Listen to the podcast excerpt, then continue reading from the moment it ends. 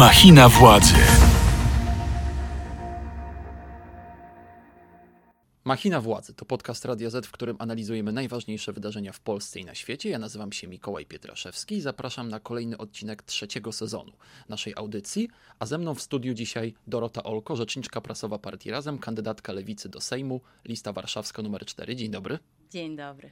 Porozmawiamy dzisiaj o kilku ważnych sprawach. Zacznijmy od sondaży, bo to jest coś, co zawsze elektryzuje a, opinię publiczną. Stabilne 8-10%, tak bym nazwał przedział, w którym lewica się sytuuje. Tak jest i tak było w ostatnich sondażach, chociażby dla wirtualnej Polski, czy, a, czy nawet dla y, bardziej prawicowych a, portali, takich jak w polityce. Generalnie w tym przedziale sytuuje się wasze e, poparcie. Pytanie, czy dużo, mało, czy to jest coś, z czego jesteście zadowoleni? E, ja myślę, że jak na początek kampanii y, to jest ok.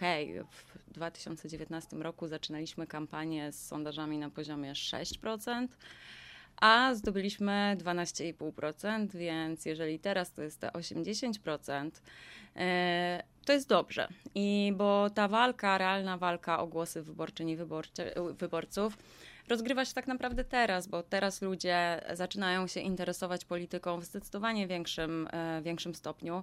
To zresztą było czuć w wakacje, że w wakacje, jak my cały czas pracowaliśmy, wychodziliśmy do ludzi, jeździliśmy mm, bardziej po turystycznych miejscowościach, ale było czuć, że ludzie po wiośnie mieli takie trochę przesilenie, no a teraz się zaczyna ten czas, że wszyscy śledzą, przepraszam, dokonują wyborów, więc myślę, że to będą decydujące no, decydujący miesiąc, bo już mamy właściwie miesiąc. I, ale jeszcze tylko bym chciała jedną rzecz. Myślę, że to, co jest ważne i e, co nas cieszy, że no, właściwie nie ma sondaży teraz, w którym by nam spadało. Tendencja jest albo stabilna, albo wzrostowa.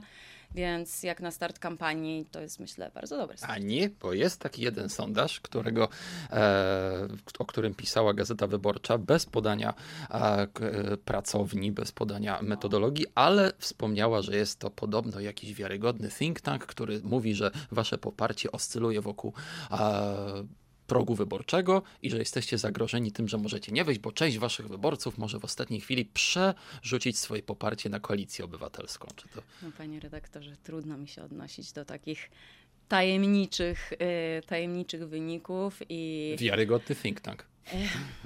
No cóż, po, pozwolę sobie spuścić zasłonę milczenia na takie, y, no tak jak powiedziałam, jakieś tajemnicze pracownie, których się, których się nie podaje nawet w tekście i z kiedy to są wyniki, czyje to są wyniki, i jaką metodologią. Trudno, trudno to w ogóle Potom, komentować. Tam się pojawiły też informacje, że podobno jest to e, jakiś sondaż z marca, czy tam sprzed roku, więc...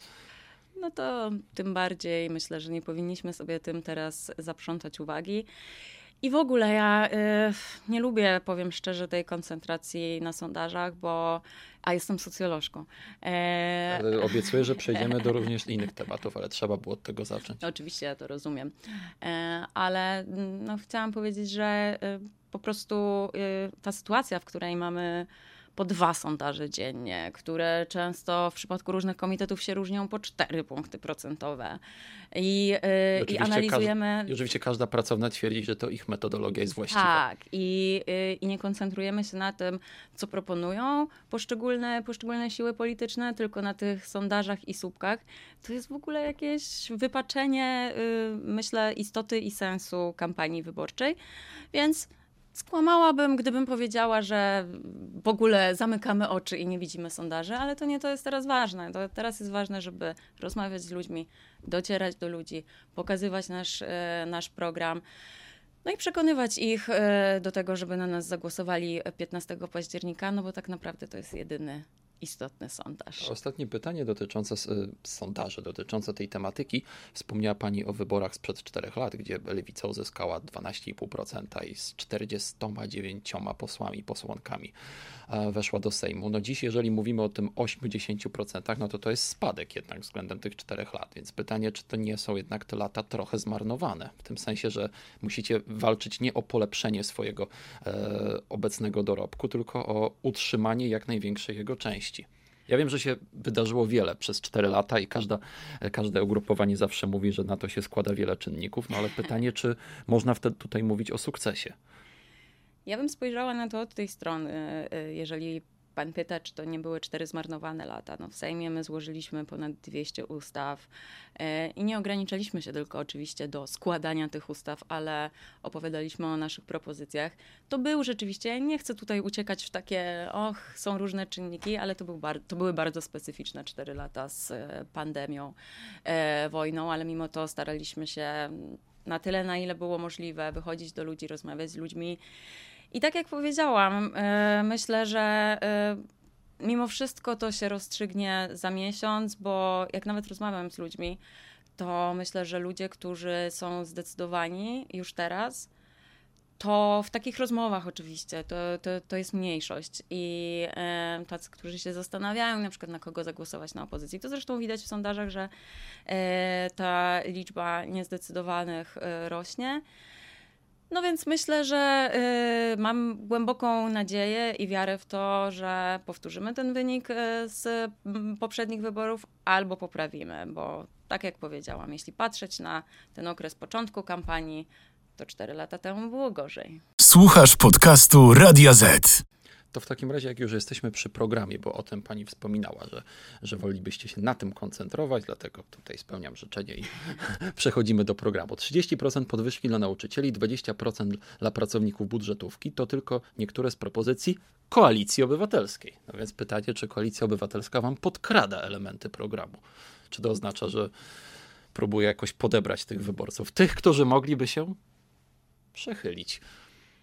No nie sposób nie zauważyć, że od miesięcy y, Koalicja Obywatelska przychylnym okiem patrzy na nasze propozycje i, i prezentuje je jako swoje.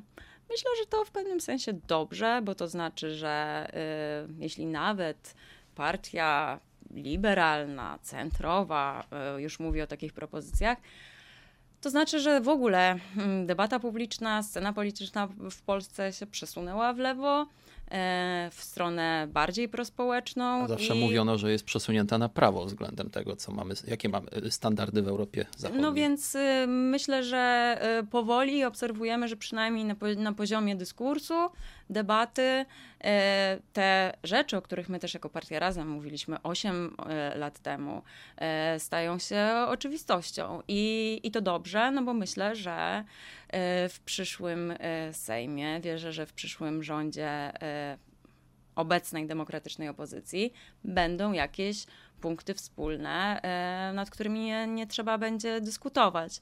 Więc to jest pozytywne, tylko że jak ja patrzę na ten program zaprezentowany przez, przez Platformę Obywatelską, przez Koalicję Obywatelską ostatnio, to tam są takie mm, rzeczy z bardzo różnych kierunków. 100, 100 postulatów, więc siła tak, rzeczy. I te, mm, moim zdaniem z tego się nie wyłania jakaś wizja kierunku, jakaś wizja urządzenia państwa, e, bo to trochę tak jakby część pisali ludzie z przechyłem mocno takim w stronę neoliberalną, część właśnie z jakąś trochę lewicową wrażliwością. A nasz program jest y, spójny, jednoznaczny. Chcemy silnego państwa, które ułatwia życie, e, państwa, które wzmacnia usługi publiczne, tak żeby e, każdy mógł się czuć bezpiecznie, bo dzisiaj ja mam poczucie, że dzisiaj takie poczucie lęku, jakiejś niestabilności e, dotyczy większości ludzi.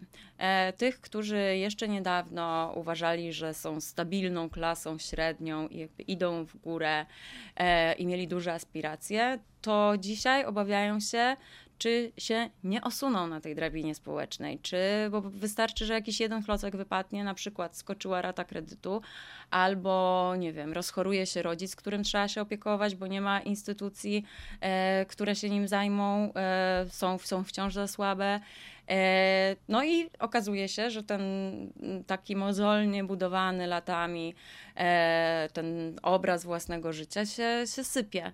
I my wierzymy w to, że właśnie państwo, które buduje mieszkania, które inwestuje w ochronę zdrowia, które zapewnia edukację na dobrym poziomie, które zapewnia opiekę osobom starszym, e, które też gwarantuje na przykład dostęp do zajęć kulturalnych na każdą kieszeń e, w instytucjach kultury. To jest państwo, w którym można odetchnąć i w którym można się poczuć, e, poczuć bezpiecznie, a nie tak niestabilnie jak dzisiaj. I, e, i mam e, poczucie, że ten program lewicy to jest właśnie taka kompleksowa wizja i że tam się po prostu wszystko zgadza. Więc jeśli komuś e, bliskie, są, bliskie są takie postulaty, które właśnie mówią nie, nie będzie, tak jak mówi Konfederacja, likwidacji, demolki państwa i każdy sobie rzepkę skrobie. Nie, my chcemy państwa, które wspiera, które jest silne, które jest sprawne. To powinien głosować na lewicę.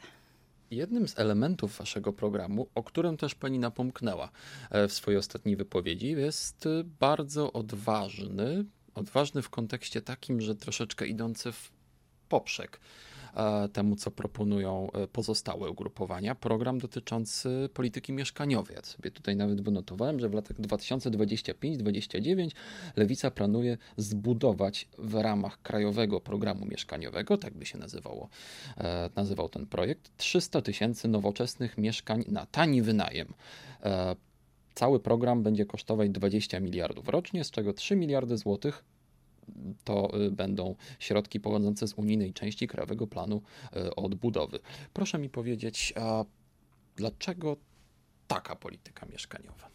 To jest coś, o co mhm. chciałbym zapytać, bo tak jak mówię, to idzie trochę w poprzek tego, co proponują inne siły polityczne, tak. że, które raczej proponują na przykład ułatwienia w dopłatach do kredytów, tam pojawiają się propozycje niskich rat, czy nawet 0% oprocentowania, zerowego oprocentowania kredytów. Wy proponujecie kompleksową budowę mieszkań, ale na wynajem. Tak, y, odpowiedź jest prosta, bo widać, że y, te sposoby radzenia sobie z kryzysem y, mieszkaniowym, jakie postulują inne partie, te sposoby po prostu nie działają, bo widzimy już, e, jak zadziałał e, program e, Kredyt 2% Prawa i Sprawiedliwości, że po prostu ceny szybują w górę. I rozmawiam z ludźmi, którzy mówią na przykład, że starają się o kredyt i zanim dostaną ten kredyt, to cena, y, cena potrafi im tak skoczyć y, mieszkania, że, no, że to już się staje niemożliwe. Ale pani na myśli na przykład marże deweloperów. Tak. I, y, no i mm, właśnie stawianie na dopłaty do kredytów kończy się wzrostem cen mm, i jest to dotowanie banków i deweloperów. I, I wiemy, że to nie działa i nie sprawdziło się e, przez no, właściwie ostatnie trzydziestolecie w Polsce e, tego rodzaju programy i mamy, a, a problem z mieszkaniami jest palący. Ja muszę przyznać, że e, o ile przeraża mnie to, co dzieje się na rynku mieszkaniowym, o tyle cieszę się, że wreszcie jest jakaś świadomość też społeczna i że jest to ważny temat w debacie publicznej, że tak mamy kryzys mieszkaniowy, że brakuje według różnych szacunków od 2 milionów do 4 milionów mieszkań, że połowa młodych ludzi mieszka z rodzicami. Jak tak można y, zakładać y, szczęśliwą, samodzielną rodzinę? I, i tu są potrzebne natychmiastowe działania, i jesteśmy przekonani, że jest w ogóle potrzebna e, zmiana właśnie, że tak powiem, paradygmatu. Socjologiczne, e, tak. trudno pojęcie. że jest zmiana y, w ogóle sposobu myślenia o tym, jak, y, jak ten problem rozwiązać. A rozumiem, że te czynsze na przykład w takich mieszkaniach byłyby regulowane jakoś. Tak, my mamy w ogóle, y, to jeszcze powiem, że ten program zakłada, tak jak pan redaktor powiedział, budowę 300 tysięcy mieszkań w ciągu kadencji, w ciągu właściwie pięciu lat. Tak, one się I... nie do końca pokrywają z kadencją 25-29. Tak, bo tam mhm. trochę później się zaczyna, bo jakby wiadomo, że potrzeba chwilę czasu, żeby ten program wystartował. E, I, e, I założenie jest takie, że te mieszkania e, zostają w zasobie publicznym, tak, żeby było tak jak chociażby w Wiedniu, który jest dla nas takim dobrym przykładem. Bardzo często po, Bardzo podkreślany często, wzorzec. Tak, bardzo często o tym mówimy, bo to jest dobry wzorzec. My też jeździliśmy do Wiednia, rozmawialiśmy z tamtejszymi władzami, żeby no, jakby zobaczyć, jak to działa w praktyce. No i tam ludzie po prostu chcą mieszkać na tych, e, na tych osiedlach komunalnych, e, osiedlach wybudowanych przez państwo we współpracy z samorządem, bo, bo raz, że to są właśnie korzystne ceny, dwa, że to jest taki wynajem, który można traktować jako wynajem na całe życie, jeśli tego będziemy chcieli, e, bo nikt nas nie wyrzuci stamtąd, tak jak to bywa na rynku prywatnym. I myślę, że stąd w ogóle dużo ludzi ma niekorzystne e, skojarzenia z wynajmem, bo właściwie no, no, u nas dominuje wynajem na rynku prywatnym. No i znamy te historie, jak z dnia na dzień nam mówi e, właściciel, że podwyższa czynsz o kilkaset złotych, albo że sprzedaje mieszkanie i mamy się wyprowadzić za, za miesiąc. Tutaj, jeżeli to państwo e, dostarcza mieszkania, jeżeli to państwo i czy samorząd jest, e, jest właścicielem, to możemy czuć się stabilnie, możemy czuć się jak u siebie w takim mieszkaniu. I wreszcie trzecia rzecz, e, te wiedeńskie osiedla, to są naprawdę po prostu fajne osiedla. To są osiedla, które no, już mają sporo lat, a nadal wyglądają na tyle atrakcyjnie, że jak się tam pójdzie, to każdy mówi: Wow, chciałbym tu mieszkać, bo mają i basen, i mają infrastrukturę całą, i, i są tak planowane, żeby właśnie był y, na nich dostęp bliski do transportu publicznego, do przedszkola, do żłobka, więc y, to, o czym często, czego często nie ma na osiedlach deweloperskich, które są pustynią, jeśli chodzi o usługi publiczne. I tak jak chociażby, nie wiem, warszawska Białołęka, gdzie jest trudno dojechać, gdzie brakuje usług publicznych i, i ludziom po prostu się tam żyje, żyje ciężko. E, więc dlatego e, my uważamy, że, że to jest jedyne wyjście też po to, żeby e, obniżyć ceny na rynku prywatnym. Bo e, jeżeli państwo, jeżeli jest konkurencja ze strony państwa, to jest jedyny sposób, żeby te e, mieszkania na rynku prywatnym no nie osiągały tak horrendalnych cen, jak to ma miejsce dzisiaj, że dzisiaj ludzi, którzy zarabiają powyżej średniej krajowej, którzy całkiem, całkiem niby nieźle im się wiedzie, nie stać ich na mieszkanie dla rodziny.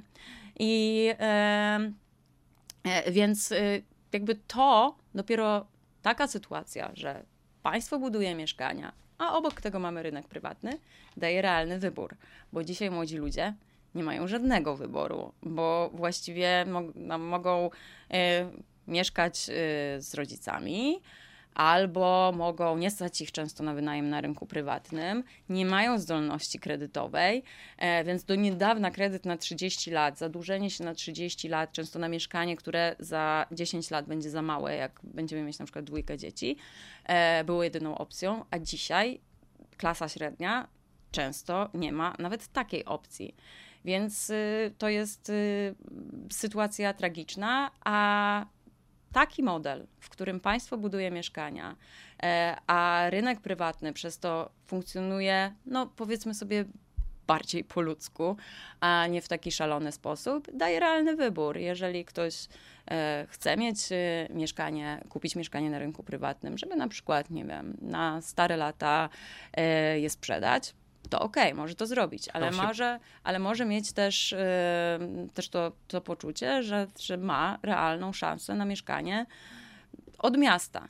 I, yy, I tu jest jeszcze jedna ważna rzecz. No, dlatego my zakładamy, że te mieszkania powinny zostawać w zasobie publicznym, właśnie dlatego, żeby ten zasób się rozrastał, a nie kurczył. Rozumiem, że po prostu byłoby jakoś odgórnie przepisami ustalone i usankcjonowane, żeby te mieszkania nie trafiły później na rynek prywatny. Rozumiem, że taki jest zamysł. Tak, taki jest zamysł i my myślimy trochę o tym tak, jak o innych usługach publicznych. No bo na przykład jak mamy przedszkole na osiedlu, e, czy szkołę, e, czy przychodnię publiczną, no to ona służy tej lokalnej społeczności przez kolejne, kolejne lata. To jest to jest coś po prostu jakby e, wspólnego, coś, co dostarcza, dostarcza państwo. I tak powinno być z mieszkaniami, żeby właśnie one mogły służyć e, kolejnym pokoleniom, które, e, które ich potrzebują i żeby było ich coraz więcej.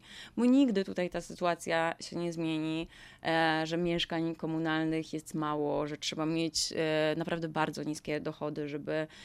Tak, bo tam ludzie tkwią w kolejkach. Tak, ludzie tkwią mieszkanie. w kolejkach. Rekordzista i... to chyba 30 30 lat czekał? Była tak, taka historia i, i, z Krakowa jest, bodajże, czy z Wrocławia. I to jest dramat ludzi, którzy wpadają w tę tak zwaną lukę czynszową, bo nie mogą się załapać na, na mieszkanie komunalne, a nie mają zdolności kredytowej. I, I co mają zrobić? Właśnie często mieszkają z rodzicami.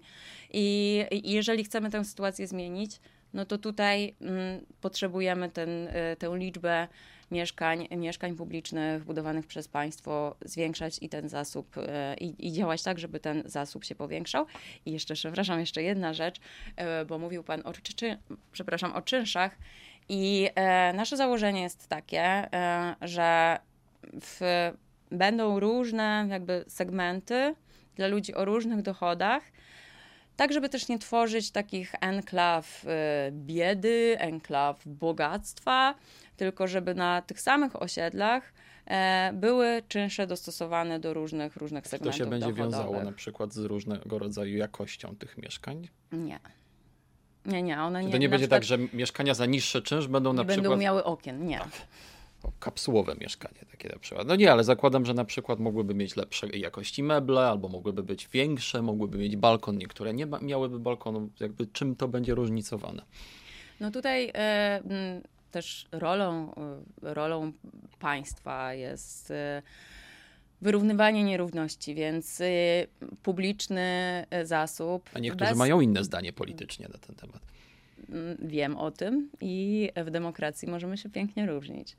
E, my jesteśmy zdania, że wiadomo, nie wszyscy mamy taki sam start i państwo jest od tego, żeby także pozwolić na godne życie e, tym, którzy najczęściej, nie oszukujmy się, są w gorszej sytuacji, bo mieli trudniejszy start w życiu i nie mieli przywileju dobrej edukacji, dużych, dużych pieniędzy jako młodzi ludzie. E, I, y, no i tak, my po, po prostu uważamy, że państwo powinno tutaj wyrównywać też różnice. E, tak jak, nie wiem, powiedzmy e, w przedszkolu, e, tak osoby o trudnej, e, trudniejszej sytuacji materialnej mogą się ubiegać o obniżenie opłat. No i nie jest tak, że nie wiem, dzieci wtedy nie mają leżaka na leżakowaniu. Nie, po prostu zakładamy, że, że to jest rolą państwa też jakby wspierać te osoby w trudniejszej sytuacji, e, ale właśnie też, żeby skończyć z tą sytuacją, że mm, mieszkania komunalne są postrzegane tylko jako e, jakaś opcja dla osób e, o bardzo niskich dochodach. Taką mają reputację. Tak. I, i chcemy przełamać to, nie tylko to myślenie, tylko realną sytuację, bo to, to jest realna sytuacja. E, jest ich bardzo mało, więc te progi dochodowe e, są naprawdę, no nawet w Warszawie e, te progi dochodowe są bardzo niskie. I jeżeli dobrze pamiętam, to chyba nawet już para, która zarabia minimalną, pensję minimalną, już nie dostanie. Osoba, osoba która zarabia pensję minimalną sama jeszcze, jeszcze się łapie, ale już para chyba nie. W każdym razie e, jeszcze niedawno tak było. A pensja minimalna wzrasta. I e, no, no wzrasta, ale umówmy się, że osoby zarabiające pensję minimalną, no to są jednak te osoby w relatywnie trudnej sytuacji czy trudniejszej. E, więc dzisiaj e, dla osób o średnich dochodach te mieszkania są, są praktycznie nieosiągalne. No i żeby, żeby to się zmieniło, to, e, to po pierwsze e, musi być ich więcej, ale po drugie one też muszą być w standardzie, który nie mówimy tu o jakichś luksusach i ociekających złotem klatkach schodowych, ale o, o standardzie takim jak, jak wszystkie nowo powstające bloki, albo nawet lepszym, bo wiele bloków deweloperskich wiemy, że e, powstaje w bardzo niskim standardzie. E, I tak powstaje po kosztach, a, a ceny są wysokie. No właśnie, bo jeszcze chciałbym tutaj dopytać, kończąc ten wątek, to w takim razie, jeżeli taki wyborca czy wyborczyni, którzy stwierdzą, że no ale ja bym chciał mieć, chciała mieć swoje mieszkanie na własność, bo rodzice mają, bo dziadkowie mają, tak. to ja też chcę, albo rodzice nie mają, to ja bym przynajmniej chciał mieć. I co takim osobom ma do zaoferowania lewica? To po prostu bardzo takiej osobie się nasz program opłaca, bo tak jak powiedziałam, to jest wizja tego, że wraz z wzrastaniem tego zasobu publicznego ceny na rynku prywatnym będą, będą spadać. I więc ten program ma też taki wymiar stabili, stabilizujący rynek prywatny. E, więc myślę, że osobom, które chcą mieć mieszkanie na własność, to się zwyczajnie opłaca, żeby ten program zaczął działać. To jeszcze muszę tu dopytać, bo to jest, tak jak już mówiliśmy, dość kompleksowy program. Nawet tutaj e, ujawniacie koszty e, jakie mogłyby się z nim wiązać. To jest, przypomnę, 20 miliardów. Moje pytanie jest takie, bo ono się będzie pewnie pojawiało jakimś oczywiście dziwnym trafem zwykle to lewica jest adresatem tego pytania. To ale, prawda. To już pani pewnie się domyślać, domyśla się pani pewnie, jakie to jest pytanie. E, o, o yy, Boże, o yy, nie koszty, tylko skąd pieniądze. Skąd pieniądze, dokładnie. Skąd pieniądze. Yy, no, my Aczkolwiek tutaj... gdyby tutaj siedział przedstawiciel PSL-u, PiSu, czy nawet Konfederacji rzucał, pojawiłaby się taka propozycja, no to takie pytanie również by się pojawiło. Wierzę. E, no więc tutaj, e, jeśli chodzi o mieszkania, to tak. Po pierwsze, e, to są środki z KPO, którego wciąż nie ma i, gdzie my zagwarantowaliśmy środki na właśnie na budowę mieszkań komunalnych, no a przez Prawo i Sprawiedliwość i ich upór, ich nieudolność tych środków wciąż nie ma i inne kraje już z tego korzystają, a, no, a u nas tak nic nie rusza i jeżeli zmieni się w Polsce władza po 15 października, głęboko to wierzę, w to wierzę, że tak będzie, to te środki uruchomimy, bo to jest jeden z priorytetów na, na początek rządów, y, żeby wprowadzić te ustawy, które będą realizacją kamieni milowych Komisji Europejskiej i odblokują środki na KPO. Więc część to y, będzie finansowana ze środków z KPO. Oprócz tego E, mamy w planie także obligacje mm, Banku Gospodarstwa Krajowego, ale też w ogóle cały nasz program, e, on jest dobrze policzony, e, bo bierzemy pod uwagę też dochody. Oczywiście one mm, są tak z, z, myślą o określonych też kosztach, ale cała jakby pula pokrywająca koszt naszego programu to są właśnie środki z KPO i inne środki unijne. To są dochody inflacyjne, bo o tym też zapominamy, że kiedy inflacja rośnie, to wpływy do budżetu rosną ze względu na VAT i Prawo i Sprawiedliwość o tym, o tym nie wspomina. E, to są chociażby e, nowe podatki, takie jak podatek cyfrowy od gigantów cyfrowych. E, coś, co Prawu i Sprawiedliwości się zupełnie nie udało wprowadzić. Tak, bo zdaje się, że, że się przestraszyli. Wielkich korporacji. Wielkich korporacji, tak, bo tutaj. No, mówiło się o tym, były dyskusje o podatku europejskim na y, podatku cyfrowym europejskim. I nagle te prace e, Polska i premier Morawiecki zaczął blokować.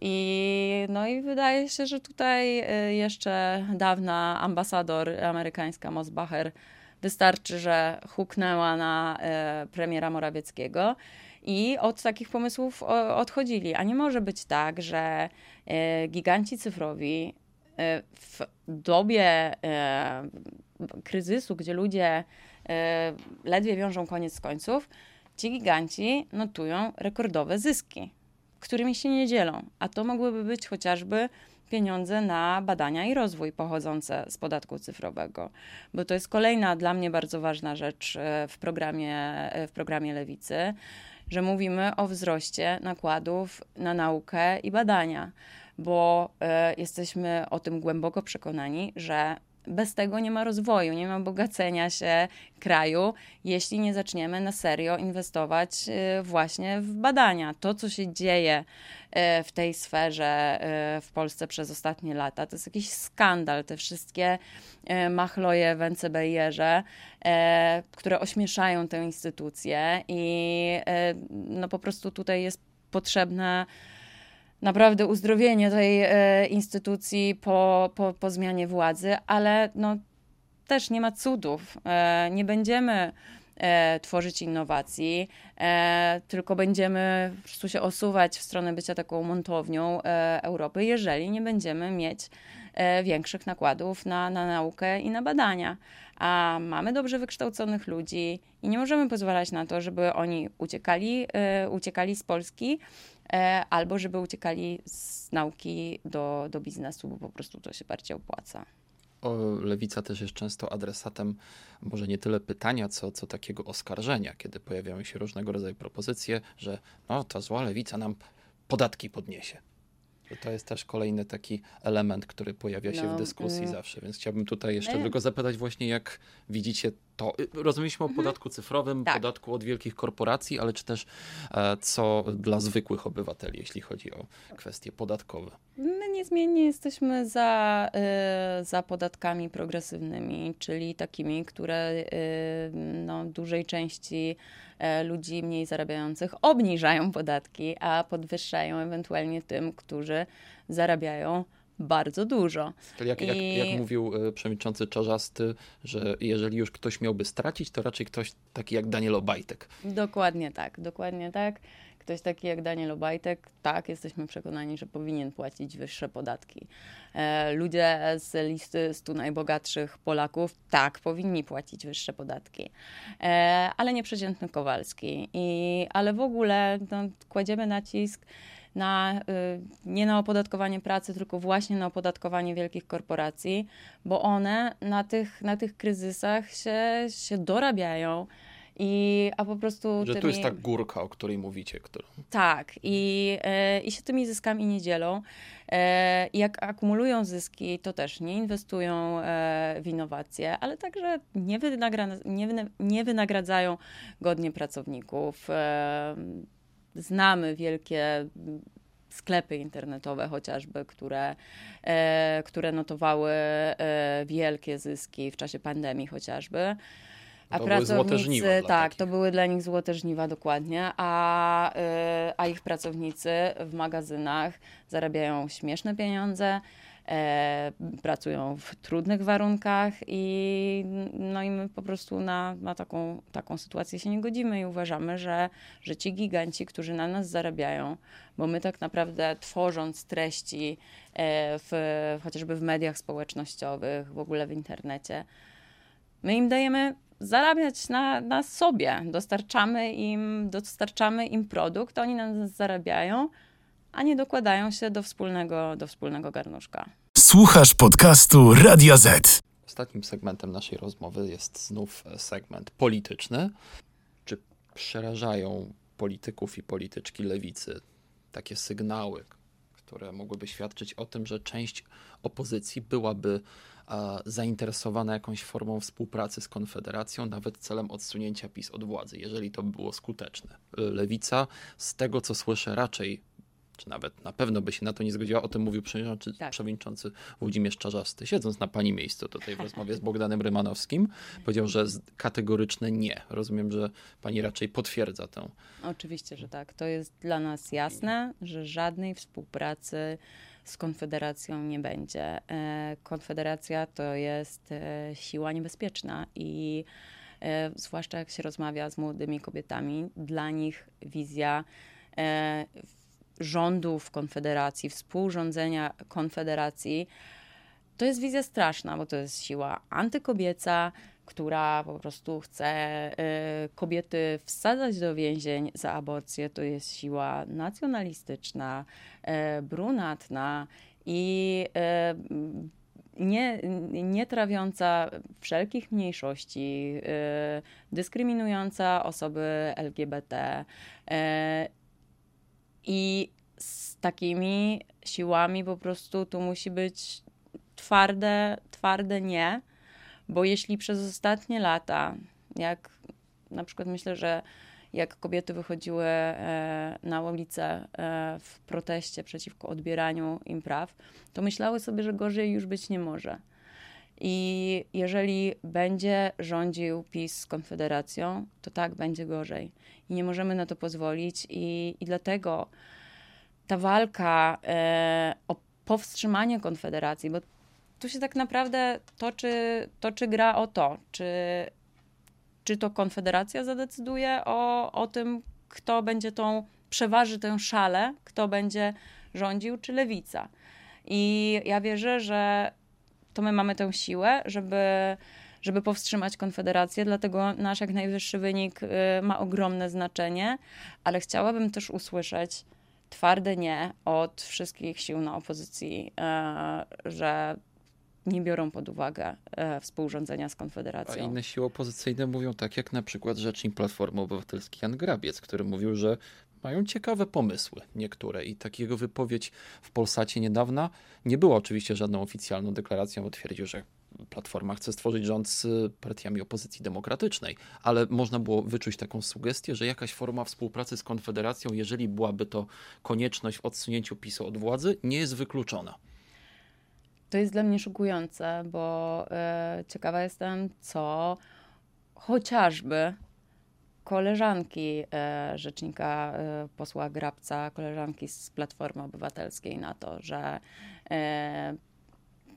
mówi o ciekawych pomysłach tych ludzi, którzy, no, tak jak powiedziałam, chcą chociażby wsadzać kobiety do więzień za decydowanie o własnym zdrowiu, życiu, ciele. Ja nie wiem, jakie ciekawe pomysły w programie Konfederacji e, dostrzega Jan Grabiec, bo e, to, co ja widzę w programie Konfederacji, to jest po pierwsze właśnie dyskryminacja, a po drugie demolka państwa. A o tym pani też wspomniała, że na początku rozmowy. Tak, tak. Więc... pani tego sformułowania. Więc jeśli, no chociażby program zdrowotny Konfederacji. Przecież... Ma pani na myśli tak zwany bon zdrowotny. Tak, bon zdrowotny, 4 tysiące bodajże z kawałkiem. Ja nie wiem, czy ci ludzie nie wiedzą, ile w Polsce kosztuje leczenie.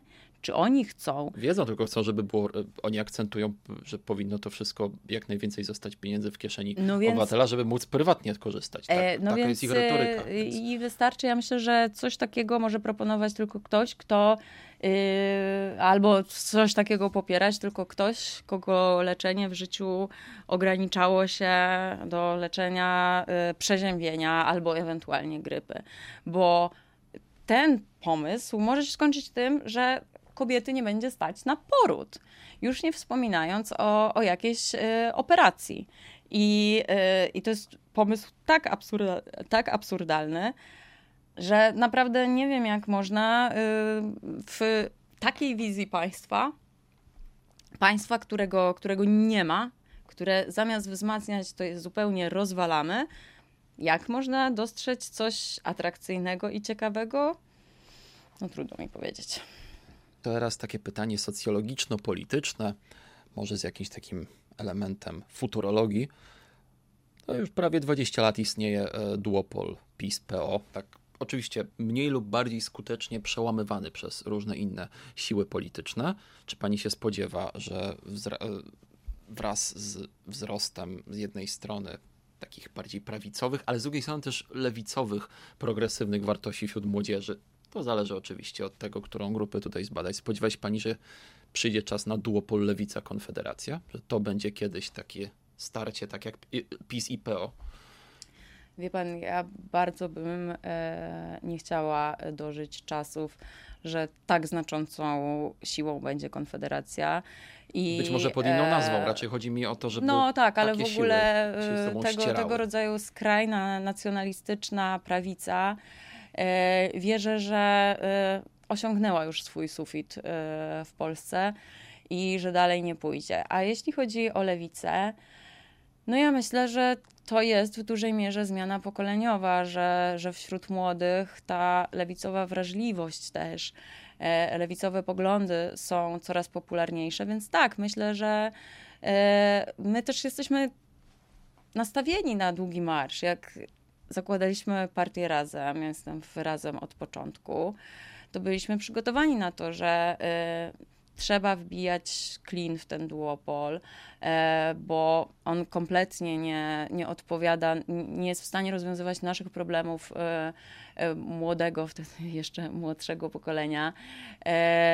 I, ale to, to potrwa. To potrwa i my jesteśmy w polityce po to, żeby wprowadzać realną zmianę. I y, jestem przekonana, że dzięki temu, że na przykład mówiliśmy, nie wiem, o śmieciówkach albo właśnie o, o mm, budowie mieszkań, że te tematy weszły do tak zwanego mainstreamu, czy chociażby o prawach kobiet. Teraz poparcie dla legalnej aborcji jest znacznie, znacznie wyższe i myślę, że to jest po części nasza zasługa, ale oczywiście przede wszystkim e, ruchów kobiecych, organizacji kobiecych, z którymi staramy się e, partnersko współpracować. I myślę, że to się na razie zmienia mm, w świadomości, w poparciu dla, dla poszczególnych, poszczególnych postulatów, ale to będzie się przesuwało i wierzę, że będzie wzrastało y, poparcie dla lewicy, bo ten duopol, wie pan, ja praktycznie no, całe moje dorosłe życie y, funkcjonuje w tym duopolu. Y, I wyborze między prawicą a taką trochę mniej prawicą, bo wiadomo, że duża część ludzi w obu tych siłach wywodzi się z podobnych środowisk, więc to jest, y, to jest taki, to nie jest wybór. I, e, I cieszę się, że też, że nasza współpraca na lewicy, e, różnych lewicowych partii, że ta koalicja, którą tworzymy konsekwentnie, my jako razem z Nową Lewicą, ale także teraz z, z Unią Pracy, z PPS-em, że ta współpraca się dobrze układa, że startujemy e, dalej razem, bo wiadomo, że my jesteśmy różnorodni, są między nami różne, różne różnice, e, ale mamy wspólne cele i chcemy właśnie takiej zmiany, żeby była oferta dla lewicowych wyborców, dla, dla ludzi o prospołecznych poglądach, dla ludzi, którzy chcą nowoczesnego państwa dobrobytu, dla ludzi, którzy chcą równości, wolności e, i właśnie takiego państwa, w którym każdy może czuć się bezpiecznie, ale może też żyć tak, jak chce, zgodnie ze swoimi wartościami. I gdzie państwa, w którym wszyscy się mieszczą, niezależnie od, od tego, na przykład, w co wierzą. E, I taka siła jest po prostu potrzebna i, i, i wierzę, że, mm, że, będzie rosła, że będzie rosła w siłę i że ten duopol y, powoli się wypala. Mówiła Pani o tym, że ten duopol PiS i PO to właściwie żaden realny wybór, no bo obydwie formacje się wywodzą z tego samego pnia. No, dlatego właśnie pytałem o y, skonfrontowanie lewicy z Konfederacją jako tak zwanego mhm. nowego duopolu. Nawet pani stwierdziła, że to jest trochę przerażająca wizja, a ja pytałem o to w takim kontekście, że to rzeczywiście byłby faktycznie wybór między dwiema zupełnie różnymi ścieżkami cywilizacyjnymi, mając na myśli pewną kompleksowość tych paradygmatów i programów. Ja, ja raczej y, patrzę z... Y, to już naprawdę nie dałoby się znaleźć wspólnych cech patrzę z pewną zazdrością na przykład na e, demokracje skandynawskie, gdzie każdy ma e, dla siebie jakiś wybór, bo ma różne opcje polityczne które potem te bliższe sobie dogadują się i, i tworzą, tworzą wspólny Chociaż rząd. akurat to jest w tym momencie taki trochę niepokojący przykład, bo na przykład w Szwecji, w rządzie, który jest tak. centroprawicowy, y, takim żyra, cichym żyrantem poparcia są szwedzcy demokraci, czyli taka tak. I szwedzka miałam, wersja trochę miałam konfederacji. Nawet, miałam o tym nawet powiedzieć, że to, jak to wygląda ten układ sił w tym momencie, nie jest y, właśnie w Szwecji, nie jest, nie jest optymistyczny, ale chodzi mi o to, że każdy jakby ma swoją reprezentację, bo jest, jest dużo sił, które właśnie przekonują do swoich postulatów, mają jakąś, jakąś wizję rozwiązań państwa wpisującą się w określone, w określone wartości. No i na tym polega, polega demokracja. I, i myślę, że, że to jest piękne i że tak wyglądają dojrzałe demokracje, więc mi się chciałabym jak najsilniejszej lewicy, ale nie jest moim marzeniem to, żeby tak po drugiej stronie był jakiś, jakiś silny monolit, bo chodzi o to, żebyśmy właśnie mieli reprezentację różnych środowisk, różnych poglądów. I żeby, nie chciała żeby po prostu pluralizm. Konty, no. Kontynuacji tego paradygmatu polaryzacyjnego, że jest jedna siła albo druga siła i, i podział. To, tak, to jest, y, to jest, myślę, że to jest no pewne wy, wypaczenie demokracji, bo, no bo chodzi o to, żeby właśnie mm, dostarczać ludziom różne propozycje, e, żeby byli też świadomi, na co głosują, a nie żeby byli wiecznie szantażowani tym, że zmarnują głos, bo trzeba głosować na większego i żeby musieli myśleć o matko. Może, może ja po prostu powinienem e, zagłosować przeciwko komuś, a nie, a nie za czymś. Ja chcę takiego kraju, w którym ludzie głosują za czymś, właśnie za takimi rozwiązaniami, jakich chcą w swoim państwie. Więc duopol e, i system e, zmierzający do tak coraz bardziej podobny do systemu dwupartyjnego nigdy nie działa na korzyść. I tym akcentem kończymy naszą rozmowę. To była Machina Władzy, kolejny odcinek sezonu numer 3 podcastu Radia Z, w którym analizujemy najważniejsze wydarzenia w Polsce i na świecie. Moją rozmówczynią była dzisiaj rzeczniczka prasowa partii Razem i kandydatka Lewicy do Sejmu z listy warszawskiej Dorota Olko. Bardzo dziękuję za tę rozmowę. Bardzo dziękuję. Tymczasem słuchajcie nas na takich serwisach streamingowych jak Spotify, Apple Podcast, Google Podcast, na playerze Radia Z, a także słuchajcie i oglądajcie nas na naszym e, profilu na YouTubie. Ten profil również e, subskrybujcie, zapraszamy do subskrybowania i zachęcamy oczywiście do e, uczestnictwa w Święcie Demokracji, jaką 15 października będą wybory do parlamentu. To taki apel profrekwencyjny. Za tydzień również zapraszamy na kolejny odcinek. Dziękuję, do usłyszenia. Machina władzy. Więcej podcastów na player radioz.pl